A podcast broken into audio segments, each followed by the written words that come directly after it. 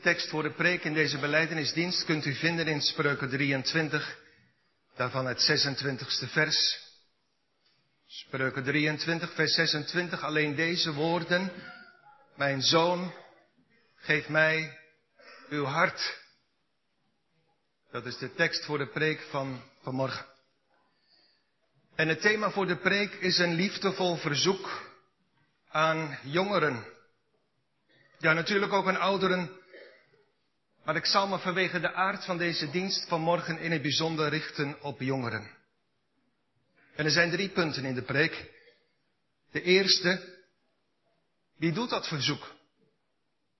De tweede, aan wie wordt het gedaan? En de derde, wat is eigenlijk de inhoud van dat verzoek? En daarna zijn er voor jullie, kandidaat beleidende leden, een drietal persoonlijke vragen. Dus drie punten in de preek over een liefdevol verzoek aan jongeren. Wie dat verzoek doet, aan wie het wordt gedaan en wat het inhoudt. Als eerste wie het verzoek doet. Wie, jongelui, vraagt er allemaal niet naar je hart? De dingen van de wereld. De verleidingen van het leven, van nu, van het dagelijkse leven. Spreuken 23 noemt er twee heel bijzonder. En het blijkt uiterst actueel te zijn. De vreemde vrouw, de prostituee. Werkelijk of virtueel, digitaal. En, en de wijn die rood kleurt in het glas die trekken aan ons hart. Wie trekt er allemaal aan ons hart? De vreemde vrouw, de alcohol, het mooie ook en het geluk van het leven nu. Vrienden, vriendinnen om je heen. Ze zeggen het allemaal, met of zonder woorden. Geef mij alsjeblieft je hart. En de twinkeling in hun ogen straalt uit. Mag ik jouw hart hebben? Dan krijg jij mijn hart. Alles en iedereen om ons heen vraagt ons hart. En, dat weet je, je kunt je hart maar aan één iemand geven. Want echte liefde vraagt een heel hart. En je kunt dat levende, dat kloppende hart niet delen, dat kun je niet door de midden snijden. Liefde vraagt een heel hart. Je kunt en je mag niet tegelijkertijd verliefd zijn op de een en op de ander, op twee.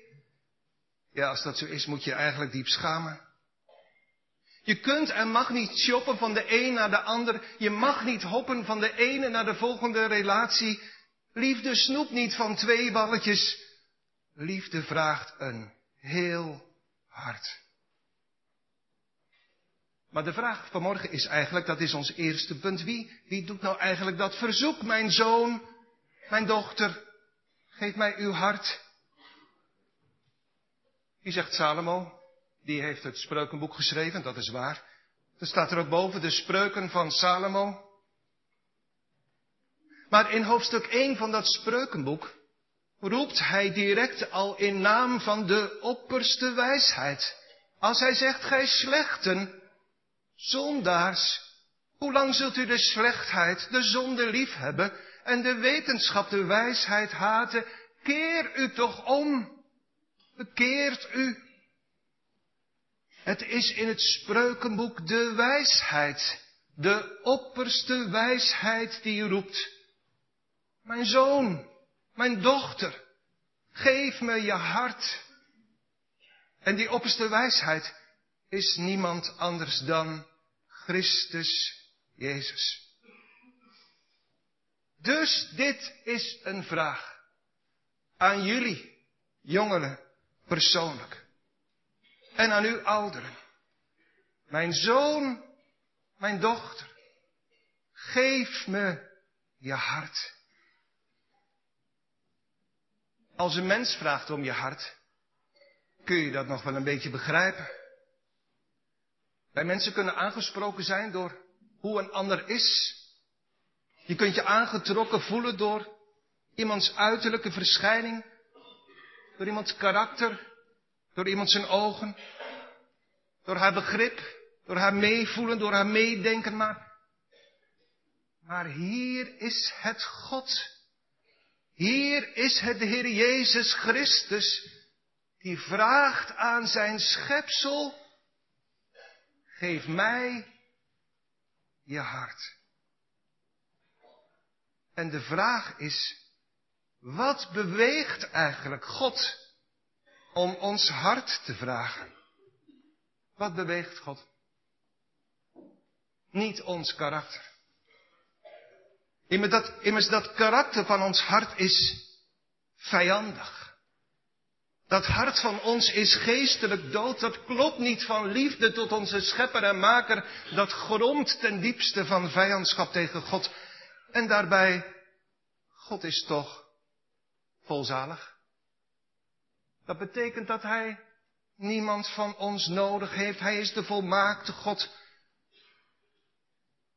Het is te begrijpen dat wij, schepselen, iedere dag vragen aan de Schepper, geef ons, Heere, heden ons dagelijks brood. Maar, maar dat de Schepper aan zijn schepsel het gevallen is, dat tegen hem opgestaan is, dat van hem weggegaan is, vraagt om dat dode, vijandige, harde hart, dat is onbegrijpelijk.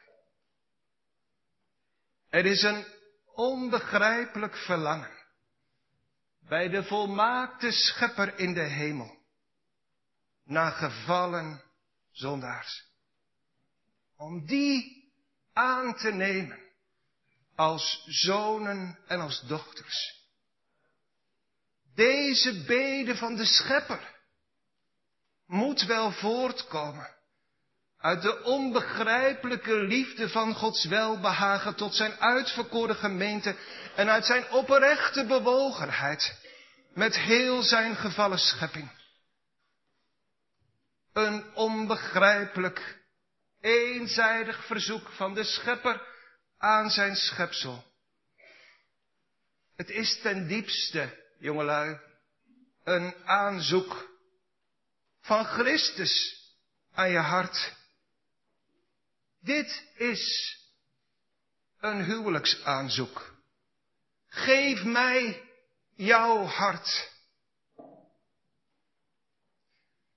Heb je wel eens nagedacht, jongelui, over die twee harten? Over dat hart van jezelf en over dat hart van de Heer Jezus Christus. Jouw hart, mijn hart, is van nature dood, vijandig, onheilig, vol van liefde tot de wereld, tot de dingen van nu en ten diepste en in werkelijkheid getrouwd met de duivel. Dat is mijn hart, dat is jouw hart. Dood door de misdaden en de zonden, zegt Paulus. En dat is mijn en dat is jouw eigen schuld. De dood van je hart is je schuld voor God. Want het loon op de zonde is de dood. Dat is jouw hart. En het hart van de Heer Jezus Christus. Toen hij op aarde was, werd hij gedrukt door ellende. En de bittere droefheid van zijn hart perste in de hof van Gethsemane. Het bloed als zweet uit zijn aders en het viel op de grond. En toen hij zijn leven afgelegd had voor zijn bruidskerk, toen doorstak iemand zijn zijde met een speer. En die speer die stak in zijn hart. En terstond kwam er bloed en water uit. Dat is zijn hart. Zijn liefdehart is doorstoken. Om de schuld van zijn bruid te betalen. En uit dat hart, uit het hart van Christus, stroomt bloed en water. Overvloedig genoeg Tot verzoening van de zonde van de hele wereld. Dat wil zeggen, voor één zondaar meer had hij niet meer hoeven lijden. Het is genoeg. Er is een overvloed van genade in Christus Jezus. En dat is de grond. Dat is het motief van deze dringende nodiging aan jullie adres. Mijn zoon, mijn dochter, kom, geef je hart aan mij. Ons tweede punt. Aan wie wordt die vraag gesteld? Mijn zoon, staat er.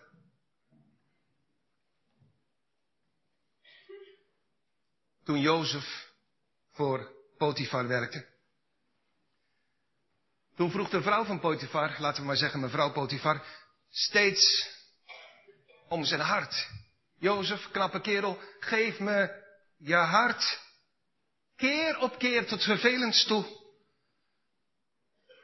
En toch ging Jozef daar niet op in. Want hij had zijn hart al verloren aan iemand anders. Daarom ging hij niet onderhandelen. Iemand anders had zijn hart genomen. En dat is een nuttige les voor jullie en voor ons allemaal. Toen zei mevrouw Potifar tegen jo Jozef, zei, Jo, kom, deel met mij het bed. Toen zei hij niet, ja dat zou ik wel willen, maar dat mag nou eenmaal niet.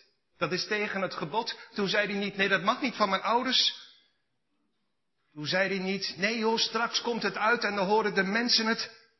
Het was ook niet zo dat hij negen keer weigerde en de tiende keer zei, toe dan maar. Nee, hij wilde. En kon zijn hart niet aan haar geven, want, en dat is de reden, zijn hart was al genomen en hij hart, had zijn hart al weggegeven aan de Heer. Mijn zoon, mijn dochter.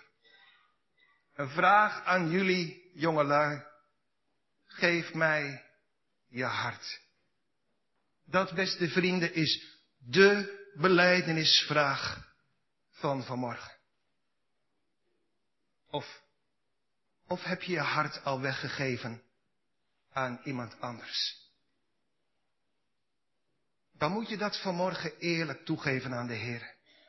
En eerlijk zeggen, Heer, ik heb mijn hart gestolen van u. U had er recht op. Maar ik heb het gestolen van u en aan de duivel gegeven.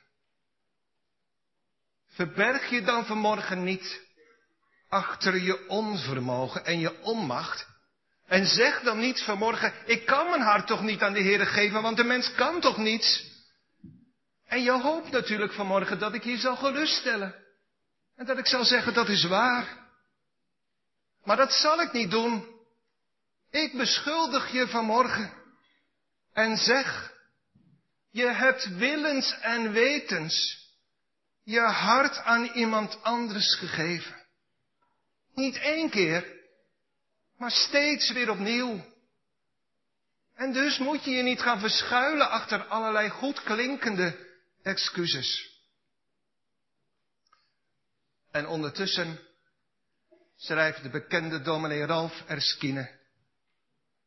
Krijg je, terwijl je je hart aan de duivel gegeven hebt, iedere dag liefdesbrieven uit de hemel. Maar je leest ze niet. Maar je luistert niet. Weet je wat bovenaan die brieven staat?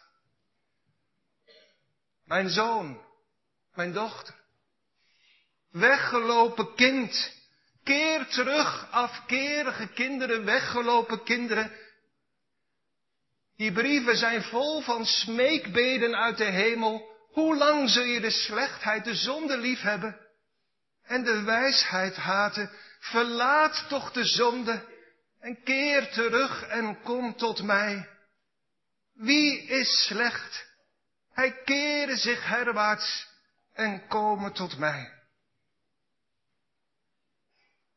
Mijn zoon, mijn dochter. Geef me je hart. Dat is, en dat voelt u allemaal met me mee.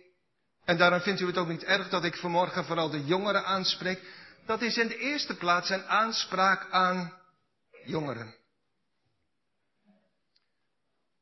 Jongelui, trouwen doe je meestal als je jong bent. En het is niet goed. En het stelt je bloot aan veel verleiding als je jaren zwerft buiten het huwelijk. Soms, en ik bedoel dat niet persoonlijk tegen iemand van u, soms van de een naar de ander. Het is niet goed als je jarenlang jaagt naar geld, naar goed, naar een diploma, naar een carrière, naar een mooi huis met mooie meubels. Het is beter om met wat minder luxe te trouwen met de liefde van je jeugd en met de gunst van de Heer vooral. Daar krijg je nooit spijt van. En, en daar gaat het hier om, jongelui, de beste tijd om met Christus te trouwen, en dat is een bijbelse uitdrukking, is ook de tijd van je jeugd. De beste tijd om je hart en je leven aan de Heer te geven is vandaag. Denk aan je schepper. In de dagen van je jeugd, voordat de kwade, de moeilijke dagen komen. Je jeugd is de beste tijd om je hart aan de Heer te geven. Het zal je helpen om te vluchten voor het kwade van de zonde. Het zal je hart beschermen tegen heel veel verleiding van de wereld. En het zal je leven vullen met vreugde en blijdschap in het dienen van de Heer, zelfs in de grootste moeilijkheden. Dat zingt de dichter toch? In de grootste smarten blijft mijn hart in de Heere gerust. Vandaag zegt de Heere tegen je. En hij noemt persoonlijk je naam, mijn zoon, mijn dochter. Geef mij je hart. Deze dag is de beste. Morgen is veel minder geschikt. Mijn zoon, mijn dochter, daar klinkt ook iets in door van, ik heb recht, zegt God, ik heb recht op je leven. Je bent wel weggegaan, je bent wel weggelopen en je wil niks meer met me te maken hebben, maar desondanks, mijn zoon, mijn dochter. Denk in gedachten maar aan de verloren zoon. Die ver van zijn vader leeft in een vergelegen land in de zonde. En ondertussen staat zijn vader te wachten. Iedere dag op de uitkijk naar zijn weggelopen kind. Zo wacht de Heer op de terugkeer van verloren zoons en verloren dochters. Keer weer, keer terug, kom terug, afkerige, weggelopen kinderen, bekeert u en kom terug. Met de beden op je lippen. Vader, ik heb gezondigd. En ik ben niet waard dat u me aan zou nemen als een kind. Wees me genadig. Als je jong bent, luister dan vandaag naar dit woord en geef je hart aan de Heer. Misschien bent u wel oud geworden. En zegt u eerlijk, ik heb nooit mijn hart aan de Heer gegeven. Ik heb het altijd willens en wetens aan de wereld, aan de tijd van nu, aan de duivel gegeven. Vandaag klinkt opnieuw de liefdevolle klop op de deur van uw hart. Wij bidden u van Christus wegen. Geef uw hart aan Hem. Laat u met God verzoenen. Misschien zegt u ja, maar mijn hart. Mijn hart is dood. Ziet u nou wel hoe weinig de Heer van u vraagt? Alleen maar dat dode hart. En ziet u nou hoeveel de Heere u geven wil? Een levend hart, een nieuw hart. U zegt, ja, maar mijn hart is zo koud en zo liefdeloos en zo hard. Ziet u nou wel hoe weinig de Heer van u vraagt? Een koud en liefdeloos hart. En zie nou hoeveel Hij u geven wil, ouderen. Een nieuw, een zoals de profeet het zegt, een vlezen hart. O, kom toch vanmorgen. Dode, harde, goddeloze, vijandige harten komt. Dat is de roepstem van het evangelie. Komt vijanden van Christus tot hem. De opgestane Christus en die tot hem komt, zal hij niet weigeren, zal hij niet uitwerpen. Maar hij zal u met uw dode, koude, harde, vijandige hart in alle hartelijkheid ontvangen.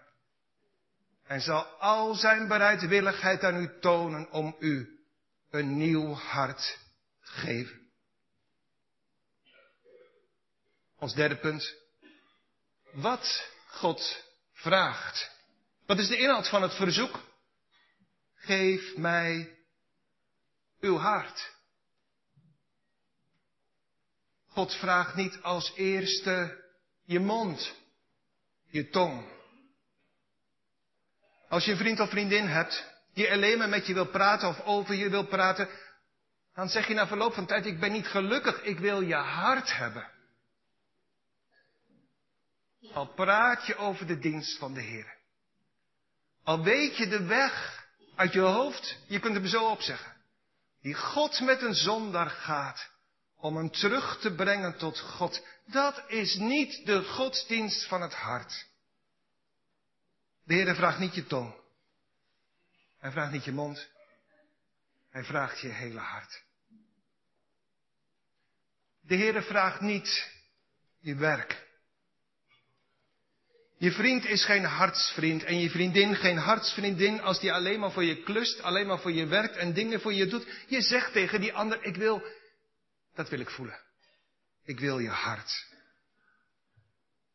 Al lees je, al bid je, al mediteer je, al hou je stille tijd, al ga je aan het heilig avondmaal, doe alles wat je kunt.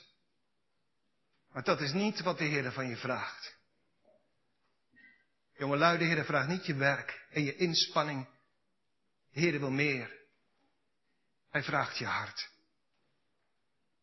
Hij vraagt ook niet je ogen en je handen en je voeten. Als je verkering hebt, neem je daar ook geen genoegen mee. Dan zeg je ook, ik wil niet alleen een handje om vast te houden. Ik wil niet alleen ogen om naar te kijken. Ik wil niet alleen voeten die met mij samen ergens naartoe gaan.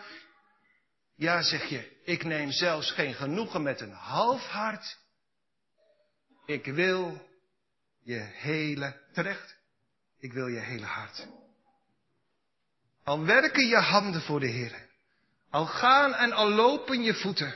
Druk en ijverig voor de Heer. Zonder liefde van je hart het is werkelijk in de ogen van de Heer een gruwel. Hij vraagt niet je ogen. Hij vraagt niet je handen. Hij vraagt niet je voeten. Hij vraagt je hart. Mijn zoon, mijn dochter, geef. Maar dat is geen dwang. De Heer zet vanmorgen niet het mes op je keel, je hart of je leven. Zo niet. Je wordt niet onder bedreiging gedwongen om je hart af te staan aan de Heer en zijn dienst als betaling van je schuld. Maar de Heer zoekt een vrijwillig, gewillig, hartelijk volk. Hij vraagt in onbegrijpelijke liefde en goedheid. Vriendelijk. Met al de vriendelijkheid van zijn hart jouw hart. Dat dode hart om het leven te maken. Dat harde hart om het te verbreken. Dat vijandige hart om vrede te sluiten. Misschien zeg je of denk je weer bij jezelf. Ik ben dood, dat weet u toch? Dat kunt u toch weten? Dus ik kan dat niet. Maar ben je niet bezig om je te verschuilen achter een ondeugdelijk excuus? Dat je het niet kunt is je eigen schuld. Omdat je je eigen hart eerst aan iemand anders hebt gegeven. Stel, een man en vrouw zijn getrouwd, maar die man wordt helaas verliefd op een andere vrouw, die gaat er vandoor. En na verloop van tijd zegt hij, ja, kan natuurlijk niet zomaar terug. Kan niet. Maar die man kan zich toch niet verschuilen achter onvermogen? Die is toch zelf weggegaan, die heeft toch zelf zijn hart aan die ander gegeven? Die kan toch niet zeggen, dat is toch niet eerlijk? Ja, het is erg, maar ik kan er ook niks aan doen. Ik wacht maar rustig af. En wie weet komt het ooit wel goed. Dodelijk is dat excuus. En dodelijk is die lijdelijkheid die ten diepste God de schuld geeft om er zelf met een goedkoop excuus tussenuit te kunnen. Je onvermogen is je schuld voor God. Erken dat toch vanmorgen. En God mogen je licht geven in je hart om dat te zien, dat te erkennen en dat te beleiden voor God, opdat je echt komen zou. Met berouw, met smeken, met geween, dat wil zeggen met tranen van verdriet en verootmoediging in je hart. Want hoewel je je hart aan iemand anders gegeven hebt, je wordt genodigd vanmorgen in alle vriendelijkheid, zoals de profeet zegt. Al heb je met heel veel vrienden overspel gepleegd. Keer toch terug en kom tot mij. Je hebt geen enkel goed excuus. Maar daartegenover heb je wel alle reden om vandaag je hart aan de Heer te geven. Als je bedenkt, en doe dat maar eens bij jezelf, wie je hart vraagt. De drie enige God, Heer Jezus Christus.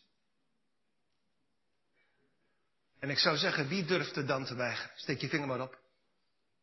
Durf je dan te weigeren? Heb je dan het lef om nee te zeggen? Geef me je hart. Nee. Durf je dat? Zal ik straks na deze dienst teruggaan? In gebed naar mijn meester en zender. En zal ik dan zeggen, ik heb de vraag van u aan hun hart gelegd, maar ze hebben nee gezegd. Durf je dat? Bedenk in de tweede plaats hoe weinig, hoe weinig er van je gevraagd wordt. Geen heilig hart, maar een onheilig hart.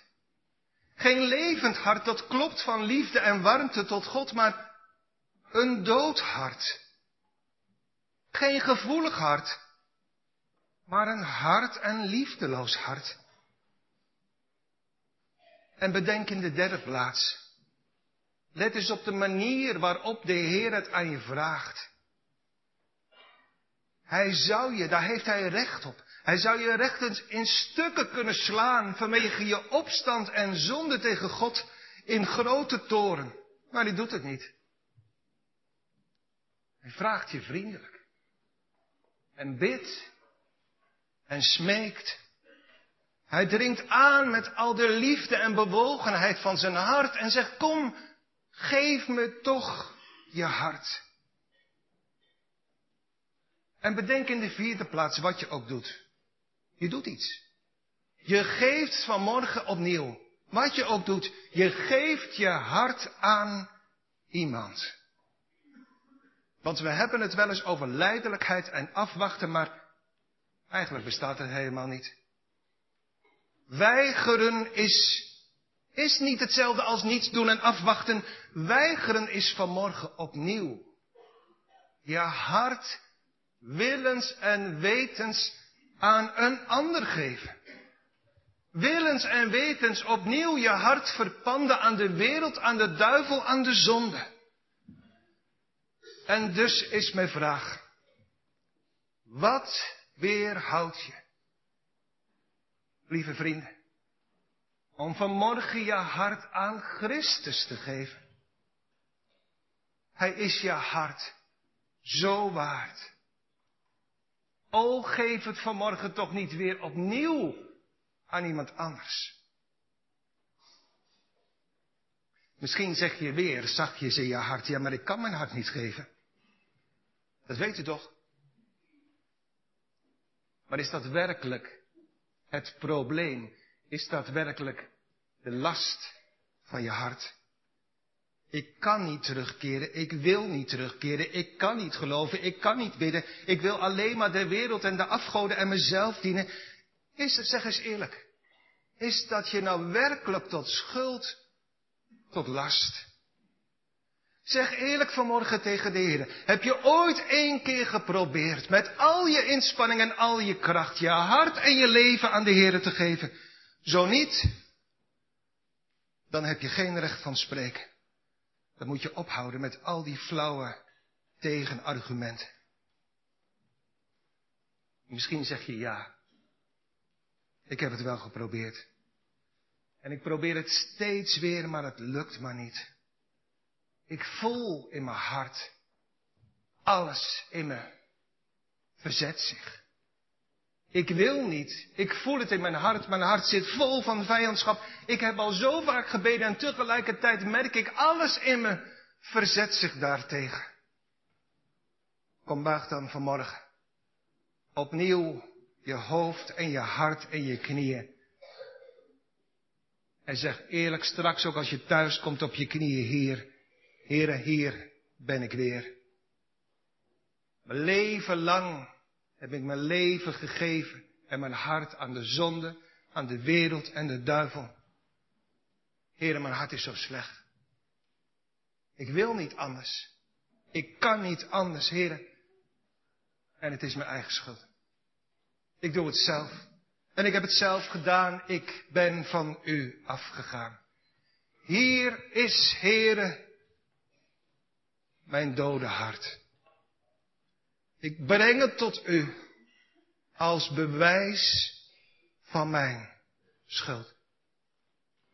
Hier is, Heer, mijn eigen veroordeling.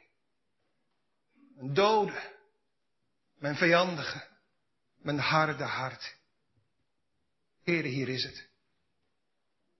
Wat mij betreft is het hopeloos. Neemt u het maar van me af, want ik kan het u ook niet geven en ik wil het u ook niet geven, maar doet u het, heren. Wees mij zondaar genadig. Want jij die niet bidden kunt, denk je dat je ooit zult leren bidden, als je niet met je biddeloze hart tot Hem komt? Jij die niet kunt geloven en je voelt het tot in het diepst van je hart, denk je dat je ooit zult kunnen geloven. Als je met dat ongelovige hart niet tot Hem zou komen en bij Hem zou brengen. Jij met je verzondigde leven, denk je dat je ooit je hart kunt verbeteren, kunt zuiveren. Zonder dat dode, vijandige, vuile hart aan God te geven om het te laten wassen. In ons is de dood.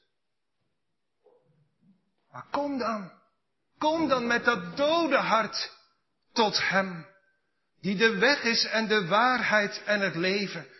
Kom zo tot Hem. Ik verzeker je, Hij zal je niet wegsturen. Want hij heeft het zelf gezegd. Die tot mij komt, zal ik niet uitwerpen, zal ik nooit wegsturen. Als je in die weg komt, op die manier komt, met een gebogen hoofd. Vol van schaamte. Met een gebogen hart, vol van smeken, van berouw. Zoals de Bijbel zegt, van geween, van huilen, van verdriet over je zonde. Dan zal Hij uit enkele en eenzijdige liefde en genade, zonder twijfel, een nieuw hart geven. Niet om iets in ons hoor. Want in dat dode hart van ons is geen enkele verdienste. Het is wel de weg die de Heer je wijst. Ook vanmorgen juist hier in dit woord. Dit is de weg tot je eeuwige behoud, dat je tot Christus komt met je vijandige en dode en verloren hart. In ons is geen verdienste en waarde, slechts dood en vijandschap. Maar verloren zoons en verloren dochters wordt deze weg gewezen. En als je die weg gaat, zal Christus je vol liefde en genade ontvangen. En je alles geven wat je mist. Want je mist alles. Ook het licht in je ogen. Om dan met nieuwe ogen te lezen wat de Bijbel zegt. Al wat de Vader mij geeft, zal tot mij komen. En die tot mij komt, zal hij geen zins uitwerpen. Nieuwe ogen zal hij je geven om te begrijpen wat staat in de Bijbel. Wij hebben hem lief. Maar het kwam niet bij ons vandaan. Dat was niet afhankelijk van een of andere activiteit van ons.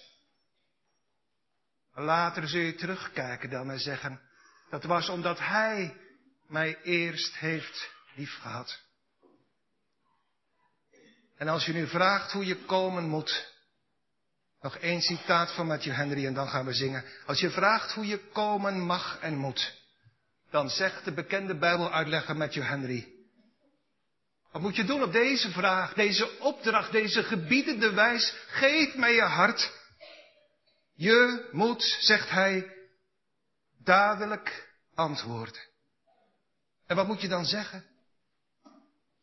Mijn vader, neem mijn hart zoals het is. Dood, vijandig, opstandig. Neem mijn hart zoals het is en maakt u het zoals het wezen moet. Neem er bezit van, heren, en richt uw troon op in mijn hart. Tot slot een drietal vragen aan jullie beleideniskattegezanten. Als eerste deze hartenvraag. En geef eerlijk antwoord tegen God. Heb je je hart al aan Christus gegeven? Je zegt, hoe kan ik dat weten? Nou, dat kun je weten uit ervaring.